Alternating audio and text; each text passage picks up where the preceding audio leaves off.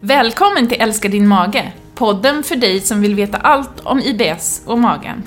Här får du lyssna på ofiltrerat skitsnack av Sveriges IBS-experter, dietisterna Sofia Antonsson och Jeanette Steyer. Vill du veta mer om hur du kan ta kontroll över din mage redan idag? Gå in på bellybalance.se. Och glöm inte ladda ner appen Bellybalance, ett ovärderligt verktyg för alla FODMappare där ute. Och nu är det dags att börja älska din mage. Hej och välkomna till podden Älska din mage. Det här är Jeanette. Och det här är Sofia som tar en liten klunk. Ket i halsen här nästan. Ja, Ehm, ja precis. precis. Där, där satte det sig fast i halsen. Ja, och det var ju. Mm. dagens tema lite grann kan man säga. Mm. Att köra fast tänkte vi prata om. På olika sätt. Ja. Bokstavligt och bildligt och Mm. så vidare. Mm. Man kan köra fast i livet i Ja, stort. verkligen. man kan köra fast i kostbehandlingen tänkte vi prata lite grann om. Mm. hur man kan tänka där. Och även när det fastnar i tarmarna och blir lite förstoppad tänkte vi dyka lite mer in i. Bland mycket annat intressant som. Precis. vi Jag tycker vi, vi får just nu ganska mycket mail om att köra fast. Att Ja. det liksom har låst sig, att man hänger kvar i den här elimineringsfasen och tycker att livet är ju... Tarmen är bra, magen är bra, men livet är inte så jättekul. Eh, För man börjar liksom kanske tänka lite för mycket på det här med kosten och eh, noja lite kring det. Precis. Eh, Och det är inget bra. Och då kan det vara bra innan vi börjar att, prata om det och bara göra en liten kort sån här recap på kostbehandlingen FODMAP. Eh, som består av en elimineringsfas som man startar med. Där man plockar bort de livsmedel som innehåller en hög andel av jäsningsbara kolhydrater. De här FODMAPsen som vi pratar om. Som är fruktos, laktos, oligosackarider som är våra typer av kostfiber. Och ett ämne som heter sockeralkoholer som finns i frukter och grönsaker men även används som sötningsmedel. De fyra grupperna plockar man då bort till stor del i början av den här elimineringsfasen. Fyra till sex veckor brukar man prata om. Magen ska förhoppningsvis bli mycket lugnare och finare under den här tiden. Eh, man återinför gulmarkerade livsmedel som det då kallas efter ett par veckor. När man känner att det har blivit bättre förhoppningsvis. Eller orange. Ja, eller man, orange. eh, Ja, orange kan man ja. också säga. Ja.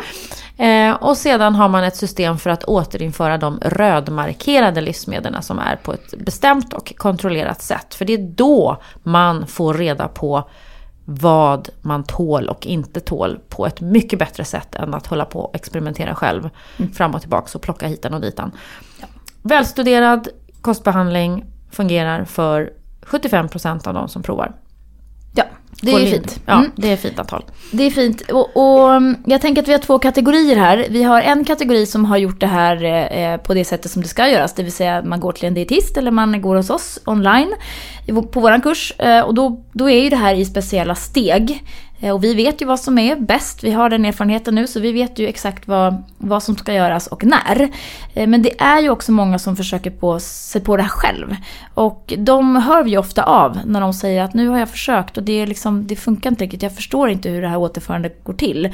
Och återinförandet är ju, det är ju där det börjar bli lite krångligt och man måste ha rimlig koll. Och dessutom så behöver man ju uppdaterat material. För att det är inte statiskt det här utan det här ändras ju faktiskt. Det händer ju saker med livsmedel några gånger eh, i kvartalet skulle jag säga. Att det kan bytas färg och läggas till och dras bort och sådär. Eh, och då gäller det att man har rätt information. Så det är väl det första skulle jag vilja säga. Precis. Som är viktigt. Och sen så är det ju eh, som du säger, det är vid återinförande som det börjar bli lite klurigt. För att det är ju faktiskt så att i början så är det ju till stor del samma information, eller det är samma plattform man alla får att börja på när man startar kostbehandlingen. Och sedan blir den mera individuell just precis när man börjar återinföra. För det är då man ska vara sin egen detektiv och, och förstå och lära sig vad man tål och inte tål. Och då gäller det att man, man har de här bra redskapen och vet hur man ska göra det. Precis. Ehm, om man då tänker scenariot att man har haft väldigt jobbigt med magen. Så kör man elimineringsfasen och eh, ja, sex, åtta veckor kanske. Och så blir magen så här superbra. Och man bara känner att tack, där fick jag livet tillbaka. Nu kan jag göra saker som jag inte har kunnat göra tidigare. Och det känns ju gött det här. Då är, kan jag ju förstå att man inte är supertaggad på att börja lägga tillbaka livsmedel. För att man, man minns ju om det där som man hade då tidigare. De där jobbiga symptomen och kanske allting man var tvungen att tacka nej till och man bara orkar liksom inte. Utan nej, nu kör jag så här med det gröna. Och det är ju ett, alltså det, det är av olika anledningar inte så smart. Dels vet vi att tarmfloran, alltså tarmbakterierna påverkas av att välja bort den här typen av FODMAP-livsmedel som man gör, lök och vitlök och, och sädeslag och så. Vi behöver få tillbaka dem. Eller i alla fall en del av dem. Och sen då, som jag sa, så tycker jag att många anser ju ändå att det är ganska begränsat att leva på eh, det här grönmarkerade, även om det är det kan, man kan ju göra ganska stor variation av, av dem också. Absolut. Så att det är inte någon kris och katastrof, men vi tänker ju ändå att det är ju det är ju bra att kunna lägga tillbaka saker. Vi rekommenderar ju att man börjar med laktos och fruktos. Någon av de kategorierna. Eftersom det är så många som faktiskt klarar båda eller en utav dem. Eh, och det är lite onödigt att gå omkring, kan ni säkert hålla med om, och äta laktosfritt. När man faktiskt inte är laktoskänslig, man bara tror det. Och så inser man att nej men det var ju löken. Precis. Så att de två är enklast att börja med. Och laktosen är ju så att det kan vara så att, eller de flesta tål ju en mindre mängd. Och är det bara så att man har lite laktos i teet och kaffet eller i såsen eller så. Och, och det inte blir så mycket mer mjölk än så. Då, precis som du säger, så är det lite dumt att använda laktosfria produkter som är mycket dyrare. Just det, och då vet vi ju att det är, det är ju ökande mängder man ska använda sig av när man gör återinförandet. Alltså en deciliter mjölk dag ett, två deciliter mjölk dag två och tre deciliter mjölk dag tre. Det kan ju tyckas som en evighet att hålla på så här med alla livsmedel. Då får man liksom ta typ tjänstledigt och göra något annat ett tag. Så därför så föreslår vi att vill man göra det här lite quick test så provar man ett stort glas mjölk på fastande mage. Händer ingenting då så är man inte laktoskänslig och samma sak med fruktos, ett stort glas apelsinjuice. Och inga eh, symptom, då är man inte fruktoskänslig. Då kan man liksom bara stryka de kategorierna. Och så kan man förhålla sig till de andra två som är kvar. Eh, och det är ju vårt mål, att förstå vad man reagerar på och ta bort så få saker som möjligt eh, i slutändan. Vad gör man då man har fastnat och, och tänker så här, men vad, hur, hur ska jag komma vidare i det här? Vad ska jag börja prova? Jag brukar rekommendera att man gör en lista. Sätt dig ner, gör en lista på det du vet att du kan äta som är okej. Och sen så lägger du tillbaka en och en av de till exempel orangemarkerade. Som i det här fallet eh, då kan vara eh, havre höll jag på att säga, men det är grönt nu mm, för tiden. Mm. Eh, men alltså ärtor. majs, eh, ja ärtor. Eh, och så tar man dem en per dag. Och så samtidigt så äter man ju bara det som är då tillåtet för övrigt. Eh, och så bara, det, det, behöver inte vara så stort, man behöver inte göra det så avancerat utan ta ett då och då. Precis, mm. och ta också, man kan börja med, med mindre mängder. Det, det står ju mängdangivelse på de orange markerade men man kanske bara vill ta en liten matsked av ärtorna där för att börja med det, för att känna sig trygg om man tycker mm. att det är är läskigt att prova. Precis, mm. absolut. Jag, jag, tänkte på ett annat scenario som också kan vara ju, du sa det här scenariot att man har blivit så himla bra i magen och sen så fastnar man lite där för att man inte orkar. Mm. Det kan ju också vara så att man inte tycker att man har blivit helt bra i magen. Och då kan det ju vara också en, en, en bra att fundera på just de här andra bitarna också. Har man gjort tillräckligt mycket åt de här andra faktorerna som spelar in? hur och när och var man äter och stressen och det här som vi pratar om mycket i programmet Magbalans. För det kan ju vara sånt som, som verkligen spelar in och eh, gör att magen fortsätter att krångla. Verkligen. Men sen så, kan det, sen så är det ju också inte alla som får full effekt av FODMAP. Så är det ju också. Absolut. Mm. Då det, finns det plan B och C mm. och D. Mm.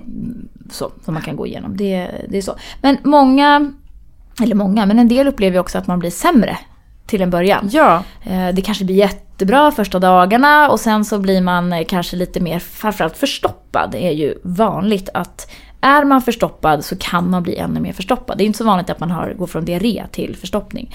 Utan de som är förstoppade redan, en del av dem blir lite trögare i magen. Mm. Mm. Det, så kan det vara. Och det är ju inte så konstigt, höll jag på att säga. Om man plockar bort, om man ändrar sin kost ganska, ganska mycket då, som det kan bli för vissa, beroende på förstås hur man ätit innan. Så händer det ju saker i magen. Och plockar man bort, om man har ätit grovt bröd och eh, massa fullkornsprodukter och så vidare, en del andra grönsaker. Och så plockar man bort allt det här på en gång och inte eh, se till att få tillräckligt med andra bra lösliga fibrer som ändå finns bland de grönmarkerade livsmedlen. Då kan det ju bli risken för att det blir för hårt och för förstoppat. Så då får man vara uppmärksam på att verkligen se till att äta sina frukter och bär som man får äta då. Eh, att äta mycket av de grönsakerna som är grönmarkerade, rotfrukter gärna. Och även vissa då kolsorter, de här lite grövre grönsakerna som ändå ger mera fibrer. Mm. Sen har vi ju lite, inte nyheter, det här har ju funnits ett tag, men det har kommit eh, lite fler studier på kiwi. Ja! Eh, förstoppningsrelaterade. Och det är ju faktiskt intressant. Eh, man har sett att två kiwifrukter per dag i fyra veckor, just den här studien då, så både ökade avföringsfrekvensen och eh, transittiden, det vill säga passagetiden helt enkelt genom tarmen, minskade också. Mm. Man fick mera eh, voluminös och eh, liksom mera avföring och mjukare avföring. Så det är ju någon sorts bulkmedel kan man säga att kiwi nästan agerar som i, i tarmen. Den har en extremt bra vattenhållande förmåga i, i tarmen. Ehm, så att, sen har, finns det också ett enzym eh, som heter astinidin i kiwi som kan ha en laxerande effekt. Det vet man bara på djur än så länge. Men, men som sagt, kiwi är ju, det är ju grymt. Det är ju billigt och det är gott och det är C-vitamin. Och det är grönmarkerat. Ja, framförallt. En del äter kiwin med skal. Va? Ja. Det gjorde en person som jag kände. En del personer blev en person. Nej, ja, ja. Okej. Nej, min eh, exmake gjorde faktiskt det. När den var ekologiska. Och till och med, jag tror min son gjorde det ett tag också. Ja, ja det var en liten parentes. Men de är från, de är från, Från Danmark, ja, så precis. De är också De är lite, från Danmark. De är lite konstiga. Min familj. Nej. Ehm, eh, Verkligen ja, nej men det måste ju vara ett ökat antal fibrer tänkte jag där Ja, i skaldelarna. det här håret Ja, på kiwin, den precis. kanske är mycket fiber i det. Eh, nej men det är faktiskt grymt att man kan få en, en sån effekt av en frukt. Ja, Och då tänker vi så här, ja man ska äta en frukt per tillfälle när man är i elimineringsfas. Men jag menar kiwi den är ganska liten och man kan i alla fall säkert äta ett par sådana om dagen utan problem. Mm. det kan ju vara att testa det om man har förstoppningsproblem. Då. Ja men precis. Andra bra källor också till fibrer eh, är ju quinoa till exempel. Mhm. Och frön, är bra källor som är FODMAP-godkända. Eh, nötter till dels också, de som går då. Havre. Havre Vår får favorit. vi inte glömma. Nej. Nej, nej. Och eh, ris kan man också tänka sig, fullkornsvarianter också. Kan funka. Mm. Eh, och sen har vi ju en intressant produkt i fröskalet. Fusilliumfrö. Just det. Ja. Husk Eh. även går den under namnet. Precis, den produkten är ju jättespännande. Eh, Det är ju en ganska eh, komplex fiber som inte är fermenterbar eh, egentligen överhuvudtaget. Den går genom hela tjocktarmen utan att fermenteras. Och, men har en väldigt bra vattenhållande förmåga. Och den här används mycket i Danmark. Ja, det gör den nämligen. Du har ju bott där. Ja, du- där du- var och varannan person tog husk varenda morgon. Jag, Ja, det faktiskt. här innan jag läste till dietist, jag undrade vad det var de drack på morgnarna. Det är så Mm. märkligt. För här i Sverige så är det ju då Inolaxol som Mm. är förstahandspreparatet när man går till läkaren. Om man är förstoppad i alla fall. Mm, Husk har ju inte riktigt hittat sin plats men det är ju för att i Sverige är ju inte det ett registrerat läkemedel utan mer ett naturläkemedel. Mm. Och, eh, men i alla fall, för husk är ju egentligen också så här tarmreglerande. Alltså oavsett om man är hård eller lös i magen så gör det avföringen eh, ja, fin. Precis. Enkelt. Mm. Och alltid tycker jag värt att prova ett, någonting som är ett naturligt preparat. Ja. Kan jag tycka. Mm. I alla fall. Sen är det vissa som också tycker att Anilaxol fungerar jättebra och blir mycket bättre i magen. Mm. Ja. Och precis som du säger, både om man är förstoppad och om man är åt det lösa hållet så kan man använda de här preparaten. Mm. Eh, om man är åt det förstoppade hållet så ska man komma ihåg om man tar husk till exempel. Mm. Då ska man, eh, om man använder det i vatten, att man eh, tar en tesked och löser upp i ett glas vatten. Mm. Rör runt. Man får dricka ganska snabbt för det är just det, det som händer, att det drar åt sig vätska och blir det här lite geléaktiga. Mm. Eh, så får man dricka upp det glaset och sen får man gärna dricka ett glas vatten till. Mm. För att se till att det finns vätska som den här fibern kan suga upp. För att annars är risken att det blir precis tvärtom. Mm. För lite vätska till de här fibrerna kan ju göra att man blir faktiskt mer förstoppad. Just det. Mm. Det är faktiskt en, en biverkning av Inolaxol. Ja, Hals, att det fastnar i halsen. Halssvullnad. Men, Ja, men det är faktiskt Ja, det. Det står det ju fast. så hemskt. Ja, det, Ja. ja. man ska inte ge det till barn. Eh, eller ja, det vet jag inget om. Nej. Jag vet inte åldersgränsen. Men jag tänker att det gäller att svälja snabbt. Ja. Alltså, för att det här, det bildar ju som, som eh, gelé och sväller upp väldigt mycket. Klumpar, ja precis. Ja, och Mm. husk är ju eh, fantastiskt i bröd. Ja. Och då, många är ju så här, glutenfritt bröd är ju bra att använda husk naturligtvis. För det är det som ersätter gluten egentligen. Både fibermässigt och också Håller på vätskan liksom. Exakt. Ja. Mm. Men jag tänker att man också kan använda husk i vanligt bröd när man bakar. Det tänker jag med. Ja. Och man kan också röra ner det i havregrynsgröten. Ja, Kan man göra. det kan man Ja. kanske göra. Mm, ja, why not? Ja. Och man kan köpa hela psylliumfröskal också. Ja, kan man ju det. använda i, eh, ja, antingen ett glas vatten. Det är, inte, det är som att dricka lite grodyngel. Mm. Det är känslan. Mm. Ja. Det är mysigt. Nej, men det är en del som gör det. Ja. Sen pratar vi om chiafrön lite grann. Mm. Jag, eh, jag tycker jag ser det. Jag tänkte säga det, jag var i Köpenhamn här i helgen. Mm. Eh, och jag tyckte mig se det där också. Att- Väldigt mycket chiapuddingar. Mm. Överallt. Mm. Och jag tänker att det är ju, i, inte i Danmark då, men i Sverige har vi ju säljförbud på chiapudding. Mhm. Det vet inte du? Nej, det visste inte jag. Herregud. Jag ser ut som ett frågetecken. Ja, du är ändå dietist. Ja. Det är ju Livsmedelsverkets Hänger inte med. rekommendationer. Nej men alltså jag vet inte om de är kvar fortfarande men jag tror det. För att det, det, de gick ut med det här för ett, ett tag sedan. Att man inte får sälja eh, färdig chiapudding för att det är någon typ av allergirisk. Det är någon som har fått någon allergisk reaktion mot chiafrön. Det verkar ju uppenbarligen inte vara någon hårdare kontroll på chiapuddings Eh, nej, jag tycker jag ser chiapuddingar överallt. Mm, precis. Du åt en så sent som i morse. Förmiddags. Ja, det var en overno- overnight oats. En overnote Ja, overnight sites.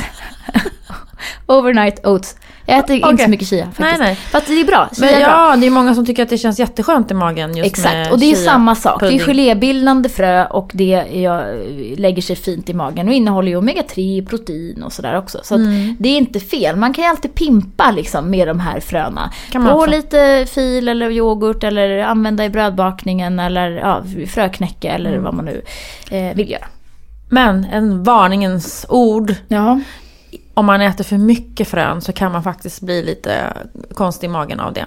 ja, det kan ju sätta Alltså, fart på systemet. Det är eh, precis som med mm. allt annat. Ja. Liksom, överdriv inte åt något håll. För att äter alltså, till exempel om man bakar fröknäcke, och det är ju fruktansvärt gott. Mm. Då är det väldigt lätt att man äter lite mycket. Ja. Och då kan det bli lite jobbigt i magen. Allt med måtta, säger dietisterna. Sen har vi då det här eh, vid ständiga, eh, med ständiga rekommendationer om magnesium. Ja. Som en del frågar om också. Och då ska vi förtydliga att alltså magnesium som eh, inte kroppen tar upp, alltså en, en ganska, en, magnesium är en dålig upptagsförmåga eller biotillgänglighet. Den landar ju i tarmen Mm. och där är den laxerande. Så det är ju ett tecken på att det här magnesiumet tas ju inte upp så väl i kroppen och då får man en laxerande effekt av det. Vill man ha den så kan man ju äta magnesium men då kanske man inte får i sig så mycket av själva magnesiumet. Eh, Då kanske man behöver ta två former. En mera lättupptaglig och en som är mera laxerande. Oxid och citrat har vi pratat om är mera laxerande åt det hållet. Det kan ju vara en grej om man är förstoppad men då kan man också tänka att man kan använda husk eller kiwi eller vad man nu vill göra och, och testa lite grann Ja. med. För det är många, många, många som skriver till oss och är förstoppade. Och sen har vi ju fortfarande faktumet med sittställningen på toaletten. Just Sitt inte bakåtlutad, böj dig framåt, upp med knäna på en pall. Så blir det lättare för tarmen att tömmas naturligt. Och ge det tid. Mm. Det funkar inte att stressbajsa när man är förstoppad.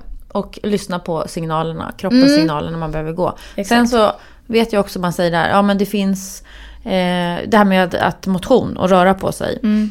Eh, och det vet vi att det är jättebra för tarmarna Mm. och för kroppen. Att, och vi rör upp lite på oss med gemene man. Men sen om man har en, en svår förstoppning så finns det väl inte några direkta bevis på att fysisk aktivitet eh, hjälper så mycket. Eh, men i förebyggande syfte också kan man tänka. Mm, absolut. Det kom in en eh, fråga här från en kvinna som undrade om, ja, hon hade fått väldigt ont i ryggen. Ländryggen, tror jag det var. Och frågade kan det här ha någonting att göra med IBS eller med FODMAP? Nu har jag ätit det ett tag och sådär. Eh, och eh, ja, det kan absolut ha att göra med IBS. Men det hänger inte ihop med FODMAP. Man får inte ryggont av FODMAP. Alltså om man skulle få i sig färre näringsämnen eller så. Däremot finns det en väldigt tydlig koppling mellan tarmen och ryggen och tillbaka från ryggen till tarmen. Det finns ju kotor i tarmen Eh, nej, det finns inga kotor i tarmen. Det finns kotor som representerar olika delar i, i tarmen. C9 tjocktarm. Förlåt alla kiropraktorer Ja, som men- lyssnar på den här podden. Eh, det kanske var helt fel, men jag bara tog något Ja, i luften. ja. Vi har jobbat med kiropraktorer under ett antal år och de är ju helt magiska. Om inte jag var dietist, då skulle jag bli kiropraktor. Mm. Du skulle vara en jättebra kiropraktor. Nej, jag skulle vara för svag. Ja. Jag skulle Okej. inte klara att... Men du, nu sa du om. Ja, Ja, om. då ja. hade det varit bra. Vi säger att de knäcker oss. Mm. Och det, då, blir de, då blir de väldigt Justerar. ledsna, då säger de justerar. Justerar. Mm.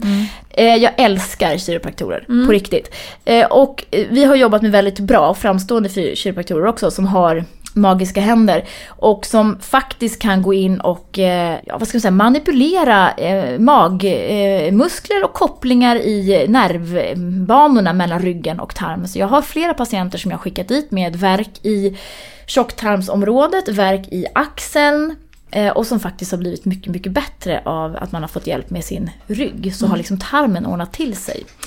Jag har också varit med om att få en behandling i mitt iliocekalvalv. Och Iliocekalklaffen. då får du förklara Ja. för gemene man var denna klaff sitter. Den här klaffen sitter mellan tjock, där tunntarmen möter tjocktarmen. Där ska det liksom bara vara ett flöde, från tunntarm ut i tjocktarm. Och börjar det där gå tillbaka, det vill man ju inte. För att då får man ju in liksom bakterier från tjocktarmen in i tunntarmen. Inte bra. Den där kan stå och glappa lite granna. Den här lilla klaffen som finns däremellan. Den kan man då med lite trixiga fingrar gå in och pluppa till. Så den liksom helt stänger sig. Äh, Det här är så konstigt. Det är så konstigt, men det är häftigt alltså. Men du Det- kände att det var så? Att det blev så? Eller? Det, jag vet inte. Nej. Men jag kände många andra saker som var väldigt Ja. bra. Men just den illustraklaffen vet jag inte. Men det jag vill komma till är att har man ont i ryggen, axeln eller liksom nackområdet eller vad det nu är och ont i magen så finns det ibland kopplingar. Har man gjort en behandling, till exempel FODMAP och känner att nej men jag har fortfarande ont i magen eller jag har ont i min rygg så kan det vara värt faktiskt att gå till en det kanske inte behöver vara en kiropraktor, det kan ju kanske vara en, ja, en naprapat eller... Ja. Ja men det är ju återigen det här med alltså att, att kroppen hänger ihop ibland på ett sätt som vi inte kanske direkt kopplar ihop själva med att jag har ont här, varför, eh, varför har jag det? Och så kommer det faktiskt från någon annanstans i kroppen. Och speciellt magen då har ju svårt att både rapportera smärtan helt korrekt, den kan komma från alla möjliga håll när den kommer från magen. Men sen som du, precis som du säger så är det ju nervändar eh, och nervbanor som har direkta liksom, kopplingar från mage, tarm till bak i ryggen, upp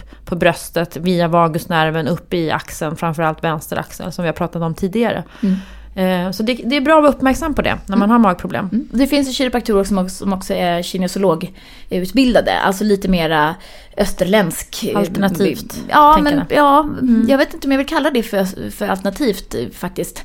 Det är ju ganska mycket äldre än själva skolmedicinen. Ja, men, Men i som- våra länder, eller den här delen av världen kanske det betraktas Ja. som det mera. Verkligen. Alternativ, inte skolmedicin i alla fall. Nej. Nej. men de är ju härliga att gå till. Man får oftast lite, ja, lite additional information av dem. Så att eh, kiropraktor kan vara eh, värt att besöka om man har ont i magen. Eller ont i ryggen för den delen. Mm? Okej, jag har en spaning. Okej. Mm. Jag var i Köpenhamn, som sagt, i helgen. Och tänkte att här är de ju framme på lite alternativa styva linan. Grönt, raw food, vegan, etc. Tyckte inte att det var så mycket sånt där, om jag ska vara helt ärlig. Det var mest... Det var mest organic. Mm. Ekologiskt är de ju duktiga på i Danmark. Alltså, Ja. pölsemannen var Till och med pölsemannen var organic. var organic. Självaste pölsemannen var det. Ja. Eller, hans pölser. Hans korv snarare. Ja. Ja. Eller hans korvar. Ja. Ehm, alltså, han var, det var faktiskt organic. Ja, men, ja. Ja. Bra. De här röda du vet. Fint, jag vet. Du har, du har ju... Du har ju bott i Danmark så du Ja, vet ju. men de, de är verkligen duktiga på... um, För de, när jag bodde i Danmark då var de långt fram i det ekologiska. Sen när jag flyttade Mm. tillbaka till Sverige då var jag faktiskt förvånad över att vi hade inte kommit så långt. Men nu har det hänt Nej. väldigt mycket de senaste tio åren Mm. på den fronten i Sverige också. Mm. Ja, det var mycket kött. Mm, de gillar kött. Ja, Det var väldigt mycket kött. Mm. Det var väldigt mycket Det kan kött. vi gå ett liv, förstår du. Ja, Ja. ja. Nej, eh, det var min spaning. Och, Ja. och sen så har jag... Jag, jag är ju lite jag är ju inte, jag ska inte säga att jag är vegan, för det är jag verkligen inte. För jag är ju jag är ganska emot så svart eller vitt, att vara Ja. eller inte vara. Men jag äter ju kanske inte jättemycket kött. Nej, det gör du inte. Det jag inte. kan jag skriva under på. Mm. Och nu äter jag ännu mindre kött. För nu har jag tittat på, på Henrik Schyffert och hans grisdokumentär.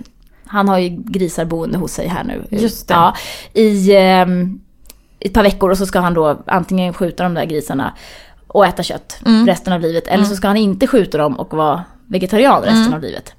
Och han var ju på slakteri här i senaste avsnittet. Vi ska inte se det. Nej. Nej. Eh, jo, eller det jo, ska vi kan man göra. Jag tycker det är jätte, det är väldigt... Men då vill vi inte äta julskinka. Nej. Nej, Nej. vi skippar den. Jag tror vi bara hoppar över den. Ja, vi hoppar över den. Det finns en vegansk julskinka. Ja, men vis. då äter jag hellre sill. Ja, faktiskt. Ja. Ja. Mm. det gör jag också. Eh, den, var, den var inte trevlig. Men jag blev förvånad i alla fall över att man inte i Köpenhamn har kommit längre eh, eh, med det vegetariska och veganska. För det är vi väldigt långt framme. Här i Stockholm, där vi bor i alla fall. Oh, ja. Vi vet inte så mycket mer om vad som händer i landet. Men Mm. tycker att man ser mer och mer. Men de har ju en enormt stor eh, svinproduktion i Danmark. De har Ja. ju mer svin än, än människor i det landet. Ja. och det, det är ju i sig lite konstigt.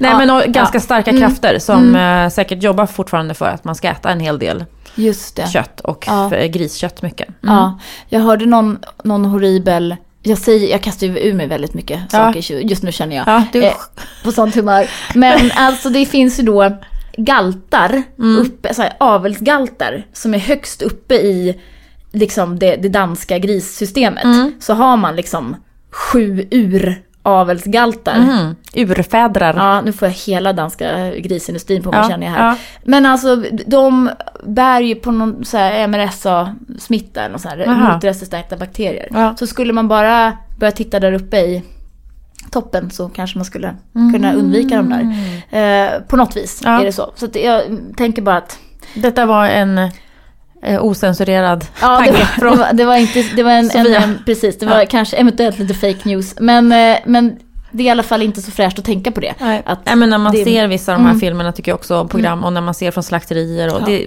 det, ja. Det kan ju Men- vara vinklat, för guds skull. Absolut, Det ska vi men, säga. Det ehm, finns ju alltid en avsändare och en, en får, agenda. alla får äta vad de vill höll vi på att säga, men eh, vi förespråkar ju en eh, variation och Ja, och mindre kött. men mindre kött generellt Mm. skulle vi, många människor må bra av Det att göra, tror jag. Och på. framförallt kanske också på jul. Eh, där mycket av fettet kommer ifrån kött och fisk. Mm. Prinskorvar och lax och sill och sådär. Det, det, det blir mastigt. Helt enkelt. Så blir det. Precis. Ja.